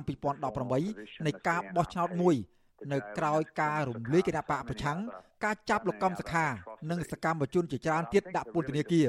និងអំពើរំលោភសិទ្ធិមនុស្សជាច្រើនទៀតប៉ុន្តែអ្វីដែលសំខាន់បំផុតនោះគឺនៅក្នុងអំឡុងពេលនៃវិបត្តិជំងឺ Covid-19 ស្ថានភាពរំលោភសិទ្ធិមនុស្សនិងបំផ្លាញប្រជាធិបតេយ្យនៅកម្ពុជា កាន់តែអាក្រក់ដោយសារតែលោកហ៊ុនសែនមើលទៅដូចជាខំប្រឹងបង្ក្រាបសម្លេងប្រឆាំងនិងអ្នករិះគន់កាន់តែខ្លាំងយុវជនជាសកម្មជន សង្គមនិងបរិស្ថាន សិទ្ធិមនុស្សសិទ្ធិការងារនិងនយោបាយសុទ្ធតែរងការបង្ក្រាប environmental activists labor activists and more ប្រទេសអូស្ត្រាលីទើបតែអនុម័តច្បាប់ដាក់ទណ្ឌកម្មជាសកលឬក៏ The Magnitsky Act កាលពីមុនដាច់ឆ្នាំ2021សមាជិកសភារបស់គណៈបកលោកមានចំណែកនៅក្នុងការបដិបដាមឲ្យមានច្បាប់នេះតាំងពីដំបូងតើហេតុអ្វីបានជាពួកលោកយល់ថាច្បាប់នេះសំខាន់ This has been a long fight uh, here in Australia as as your listeners នេះជាការតស៊ូដ៏យូរមួយនៅអូស្ត្រាលីដោយអ្នកស្ដាប់វិទ្យុអាស៊ីសេរីបានជេបដែរហើយនៅអាមេរិក10ឆ្នាំហើយ ដែលច្បាប់ដាក់ទណ្ឌកម្មនេះចូលជាធរមាននិងផ្ដល់លទ្ធភាពឲ្យរដ្ឋាភិបាលដាក់ទណ្ឌកម្មលើបុគ្គលនៅកាណាដាគេដាក់ច្បាប់នេះ5ឆ្នាំហើយចក្រភពអង់គ្លេសក៏មានច្បាប់នេះដែរកាលពីឆ្នាំ2018 សហភាពអឺរ៉ុបក៏មានច្បាប់នេះពី3ឆ្នាំហើយដែរគណៈបកពលករនៅអូស្ត្រាលីមិនសប្បាយចិត្តទេ ដែលរដ្ឋាភិបាលមិនព្រមអនុម័តច្បាប់នេះតាំងពីយូរមកហើយយើងស្នើច្បាប់នេះកាលពីឆ្នាំ2018និងកាលពីឆ្នាំមុនយើងបានរំលឹកទៀតតែយើងរីករាយដែលនៅទីបំផុតរដ្ឋសភាអូស្ត្រាលីបានអនុម័តច្បាប់នេះកាលពីខែធ្នូឆ្នាំ2021ដូច្នេះ អាយុរបស់ច្បាប់នេះទើបតែបានប្រមាណសប្តាហ៍ប៉ុណ្ណោះឥឡូវនេះយើងមានច្បាប់ដែលអាចបង្កកទ្រព្យសម្បត្តិបិទទឹកធការធ្វើដំណើរជន់ទឹកដីអូស្ត្រាលី និងទណ្ឌកម្មផ្នែកហិរញ្ញវត្ថុលើបុគ្គលដែលចូលដៃក្នុងការរំលោភសិទ្ធិមនុស្សនិងបំផ្លាញអភិបាលកិច្ចល្អនិងនីតិរដ្ឋ and with undermining good governance and the rule of law តើបុគ្គលទាំងនោះមានច្រើនឬទេនៅប្រទេសអូស្ត្រាលីបើតាមការសង្កេតរបស់លោក we know that there are a number of those individuals associated with the Hun Sen regime យើងដឹងថាបុគ្គលបែបនេះជាច្រើន ដែលជាប់ពាក់ព័ន្ធនឹងរបបលោកហ៊ុនសែនសូម្បីតែសមាជិករបស់ក្រុមគ្រួសាររបស់លោកហ៊ុនសែនផ្ទាល់មានទ្រព្យសម្បត្តិមហាសាលនៅអូស្ត្រាលីប្រព័ន្ធផ្សព្វផ្សាយជាច្រើន បានលាតត្រដាងអំពីទ្រព្យសម្បត្តិរបស់ពួកគេ អ្នកស្ដាប់វិទ្យុអស៊ីសេរីប្រហែលបានអានអំពីការស៊ើបអង្កេតលម្អិតមួយ ដែលវិទ្យុអស៊ីសេរីបានផ្សាយកាលពី12ខែមុនខ្ញុំសូមឲ្យអ្នកស្ដាប់វិទ្យុអស៊ីសេរីអានអត្ថបទនោះឡើងវិញការស៊ើបអង្កេតនោះនិយាយអំពីមន្ត្រីគណៈបកប្រជាជនកម្ពុជាសំខាន់សំខាន់នៅអូស្ត្រាលី ដែលជាប់ពាក់ព័ន្ធកម្រិតខ្ពស់ជាមួយនឹងលោកហ៊ុនសែននិងមន្ត្រីក្នុងជួររដ្ឋាភិបាលកម្ពុជា ដែលអ្នកទាំងនោះ មានទ្រព្យសម្បត្តិយ៉ាងសម្បើមនៅអូស្ត្រាលីដូច្នេះ អ្នកស្ដាប់វិទ្យុអស៊ីសេរីបានដឹងហើយថាជាផ្នែកមួយនៃផែនការយុទ្ធសាស្ត្ររបស់គណៈបកប្រជាជនកម្ពុជា គឺបញ្ជ្រាបមនុស្សរបស់ខ្លួនទៅក្នុងសហគមន៍ខ្មែរនៅប្រទេសអូស្ត្រាលី និងគម្រាមកំហែងប្រជាពលរដ្ឋអូស្ត្រាលី ដែលអនុវត្តសិទ្ធិរបស់ខ្លួន ក្នុងការហ៊ានបញ្ចេញមតិប្រឆាំងនឹងការរំលោភសិទ្ធិមនុស្សនិងការបំផ្លាញប្រជាធិបតេយ្យនៅមាតុភូមិកំណើតរបស់ខ្លួនដូច្នេះនៅទីបំផុតយើងមានច្បាប់ក្នុងដៃហើយ ដើម្បីចាត់ការប្រឆាំងនឹងមន្ត្រីគណៈបកប្រជាជនកម្ពុជាទាំងនោះយើងគ្រាន់តែធ្វើយ៉ាងម៉េចដើម្បីជំរុញឲ្យការអនុវត្តច្បាប់នេះជាក់ស្ដែងតែប៉ុណ្ណោះ we just need to start putting it in practice តើការជំរុញឲ្យអនុវត្តច្បាប់នេះជាក់ស្ដែងត្រូវធ្វើយ៉ាងដូចម្តេចទៅ We've fought so hard for for so many years. I've been arguing for this. ពលរដ្ឋសហគមន៍ខ្មែរនៅទីនេះតស៊ូយូរឆ្នាំណាស់មកហើយទម្រាំបានច្បាប់នេះ គ្មានក្រុមណាមួយនៅប្រទេសអូស្ត្រាលីដែលតស៊ូខ្លាំងជាងពលរដ្ឋសហគមន៍ខ្មែរនៅទីនោះទេដើម្បីឲ្យច្បាប់នេះចេញនោះពលរដ្ឋខ្មែរនៅទីនេះរៀបចំនិងចងក្រងសហគមន៍របស់ខ្លួនយ៉ាងល្អនិងមានសាមគ្គីភាពគ្នាដើម្បីបង្ហាញជំហររបស់ខ្លួន ដែលចង់បានច្បាប់នេះពួកគាត់ចូលរួមសវនាការបង្ហាញតលហិកនឹងដាក់សារគាំទ្រនិងបញ្ចុះបញ្ចូលសមាជិកសភាអូស្ត្រាលីយ៉ាងស្វិតស្វាញទម្រាំបានច្បាប់នេះដូច្នេះយើងមិនអាចទុកឲ្យច្បាប់នេះដាក់តម្កល់ចោលនៅលើធ្នើដាក់សិភៅទុកចោលឲ្យកាន់ធូលីដីនោះទេយើងត្រូវតែធ្វើយ៉ាងដូចម្ដេចដើម្បីយកច្បាប់នេះមកប្រើ gathering dust they need to be used ក៏ប៉ុន្តែសប្តាហ៍ថ្ងៃនៅតំបន់អាស៊ានរឿងរំលោភសិទ្ធិមនុស្សនិងបំផ្លាញប្រជាធិបតេយ្យនេះ កំពុងតែកើតមានខ្លាំងនៅឯភូមាឯណោះតើការយកចិត្តទុកដាក់លើការដាក់ទណ្ឌកម្មនេះវាអាចងាកទៅរកខាងភូមាខ្លាំងជាងកម្ពុជាឬទេ There's a debate right now in Australia as you can imagine about using those laws សពថ្ងៃនេះសហគមន៍អូស្ត្រាលីកំពុងជជែកដេញដោលគ្នាយកច្បាប់នេះមកប្រើលើមន្ត្រីរបបសឹកភូមិការជជែកដេញដោលនេះក៏មានផលផុសនៅក្នុងចំណោមសមាជិកអាស៊ានដែរប៉ុន្តែយើងមិនត្រូវឲ្យការចាប់អារម្មណ៍នេះ ងាកចេញពីរបបផ្ដាច់ការរបស់លោកហ៊ុនសែននោះទេកម្ពុជានឹងមានការបោះឆ្នោតក្រុមប្រឹក្សាឃុំសង្កាត់នាពេលឆាប់ឆាប់ខាងមុខនេះហើយការបោះឆ្នោតជាតិគ្រោងនឹងធ្វើនៅឆ្នាំក្រោយការបោះឆ្នោតទាំងនេះវានឹងប្រព្រឹត្តដោយរឿងកំ pl ែងសុតសាតព្រោះវាជាដំណើរប្រព្រឹត្តទៅបញ្ច្រាស់ប្រជាធិបតេយ្យនិងជាមហន្តរាយមួយ ដើម្បីឲ្យលោកហ៊ុនសែន បន្តក្រាញអំណាចប៉ុណ្ណោះព្រោះគណៈបកសង្គ្រោះជាតិនៅតែមិនអាចបើកដំណើរការឡើងវិញ ដើម្បីចូលរួមការបោះឆ្នោតនោះបានដូច្នេះយើងមិនអាចឲ្យការចាប់អារម្មណ៍ក្រឡប់ចាក់ងាកចេញពីរបបនេះទេក្នុងរយៈពេល2ឆ្នាំចុងក្រោយនេះទៀតសោតស្ថានភាពសិទ្ធិមនុស្សនិងប្រជាធិបតេយ្យនៅកម្ពុជាកាន់តែអាក្រក់ខ្លាំង have got worse not better លោកលើកអំពីបកគលនៅក្នុងជួររដ្ឋាភិបាលលោកហ៊ុនសែនដែលចូលដៃនៅក្នុងការរំលោភសិទ្ធិមនុស្សនិងបំផ្លាញប្រជាធិបតេយ្យឲ្យសំងំសក់នៅអូស្ត្រាលីតើលោកមានបញ្ជីឈ្មោះរបស់ពួកគាត់ដែលលោកអាចប្រាប់ជាចំហបានទេ I don't want to get into the the naming of particular individuals because ខ្ញុំមិនអាចនិយាយឈ្មោះបុគ្គលណាជាក់លាក់បានទេព្រោះឥឡូវនេះកំពុងមានកិច្ចដំណើរការនីតិវិធីផ្លូវច្បាប់ប៉ុន្តែបុគ្គលដែលស្ថិតនៅក្នុងអំណាចនៃច្បាប់នេះគឺអ្នកដែលជាមន្ត្រីដែលពាក់ព័ន្ធនឹងរបបលោកហ៊ុនសែននិងអ្នកដែលបានយកទ្រព្យសម្បត្តិពីស្រុកខ្មែរដែលបានមកពីផ្នែកមួយនៃរបបនេះនិងអំពីការប្រឆាំងប្រជាធិបតេយ្យ និងទ្រព្យដែលបានសម្រាប់ក្រុមអ្នកមានអំណាចមួយក្តាប់តូចក្នុងពេលដែលប្រជាពលរដ្ឋខ្មែរទូទៅរស់នៅក្នុងភាពក្រីក្រ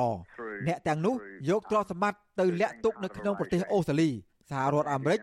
ឬប្រទេសដទៃទៀតនឹងរស់នៅយ៉ាងសុខសាន្តក្នុងសង្គមប្រជាធិបតេយ្យនេះគឺជាអំពើមិនគប្បីមួយដូច្នេះច្បាប់នេះអនុញ្ញាតឲ្យរដ្ឋាភិបាលអូស្ត្រាលីចាត់ការលើបុគ្គលអស់ទាំងនោះចុះបើវាជាអំពើមិនគប្បីតើលោកអាចជួយអ្វីបានខ្លះនៅក្នុងការចាត់ការអ្នកទាំងនោះ Certainly I will be continuing to argue the case តាមពិតខ្ញុំនឹងបន្តគាំទ្រចំណាត់ការទាំងនេះគឺតស៊ូមតិដើម្បីឲ្យរដ្ឋាភិបាលយកចិត្តទុកដាក់ក្នុងការដាក់ទណ្ឌកម្មលើបុគ្គលទាំងនោះយើងមិនត្រូវឲ្យបុគ្គលដែលមានបានដោយសារតែញើសឈាមប្រជាពលរដ្ឋខ្មែរហើយបែរជាយកទ្រព្យសម្បត្តិនោះមកលាក់ទុកនិងសោយសុខនៅក្នុងសង្គមប្រជាធិបតេយ្យនោះទេខ្ញុំនឹងជំរុញឲ្យអាជ្ញាធរអូស្ត្រាលីស៊ើបអង្កេតលុយដែលពួកទាំងនោះ បានមកពីការបង្ក្រាបប្រជាពលរដ្ឋខ្មែរហើយយកមករកស៊ីនៅក្នុងសង្គមអូស្ត្រាលីទង្វើបែបនេះយើងមិនអាចទទួលយកបាននោះទេខ្ញុំនឹងបន្តតស៊ូមតិដើម្បីឲ្យរដ្ឋាភិបាលមានចំណាត់ការលើរឿងបុគ្គលអស់ទាំងនោះឲ្យខាងតែបានតើលោកខិតខំប្រឹងប្រែងដើម្បីឲ្យដាក់ទណ្ឌកម្មលើមន្ត្រីរដ្ឋាភិបាលលោកហ៊ុនសែននេះលោកចង់ប្រាប់អ្វីដល់លោកហ៊ុនសែន Well 30 years ago there was a promise made to the Cambodian people 30ឆ្នាំមុនមេដឹកនាំកម្ពុជាសន្យាចំពោះមុខពលរដ្ឋខ្មែរថានឹងនាំមកនៅសន្តិភាពក្រោយសង្គ្រាមស៊ីវិលសន្យាថានឹងមានការអភិវឌ្ឍផ្នែកសេដ្ឋកិច្ចសន្យាផ្ដល់សិទ្ធិសេរីភាព និងនិមិត្តរូបនៃសេរីភាពគឺសិទ្ធិនៅក្នុងការបោះឆ្នោតជ្រើសរើសរដ្ឋាភិបាលមួយ ក្នុងការបោះឆ្នោតមួយ ដែលប្រព្រឹត្តទៅដោយសេរីត្រឹមត្រូវនិងយុត្តិធម៌ ដូច្នេះខ្ញុំសូមនិយាយទៅកាន់របបលោកហ៊ុនសែនសូមអនុញ្ញាតឲ្យពលរដ្ឋបោះឆ្នោតបានដោយសេរី នៅក្នុងការបោះឆ្នោតខាងមុខ មិនតែប៉ុណ្ណោះពលរដ្ឋត្រូវតែមានសិទ្ធិតវ៉ានិងចូលរួមបញ្ចេញមតិរិះគន់លើកជាកង្វល់អំពីបញ្ហាការពីបរិស្ថានជាដើមជាអកុសលថា30ឆ្នាំមុនទៅចុះពលរដ្ឋខ្មែរគ្មានសេរីភាពបែបនេះទេប៉ុន្តែឥឡូវពួកគាត់បែរជានៅតែគ្មានសេរីភាពបែបនេះដដែល and they still don't have it in Cambodia បាទខ្ញុំសូមអរគុណលោក Mark Butler ដែលបានផ្ដល់ឱកាសឲ្យខ្ញុំបានសម្ភាសន៍នៅពេលនេះបាទ Thank Thank you បាទសូមអរគុណចាលោកនាងកញ្ញាជាទីមេត្រីលោកនាងទៅបានស្ដាប់បទសម្ភាសន៍របស់លោកមួងណារ៉េតជាមួយសមាជិកសភាអូស្ត្រាលី ពីគណៈបកប្រឆាំងលោក Mark Butler អំពីការរំលោភសិទ្ធិមនុស្សនិងបំផ្លាញប្រជាធិបតេយ្យធ្ងន់ធ្ងរនៅកម្ពុជា ដោយរដ្ឋាភិបាលលោកហ៊ុនសែន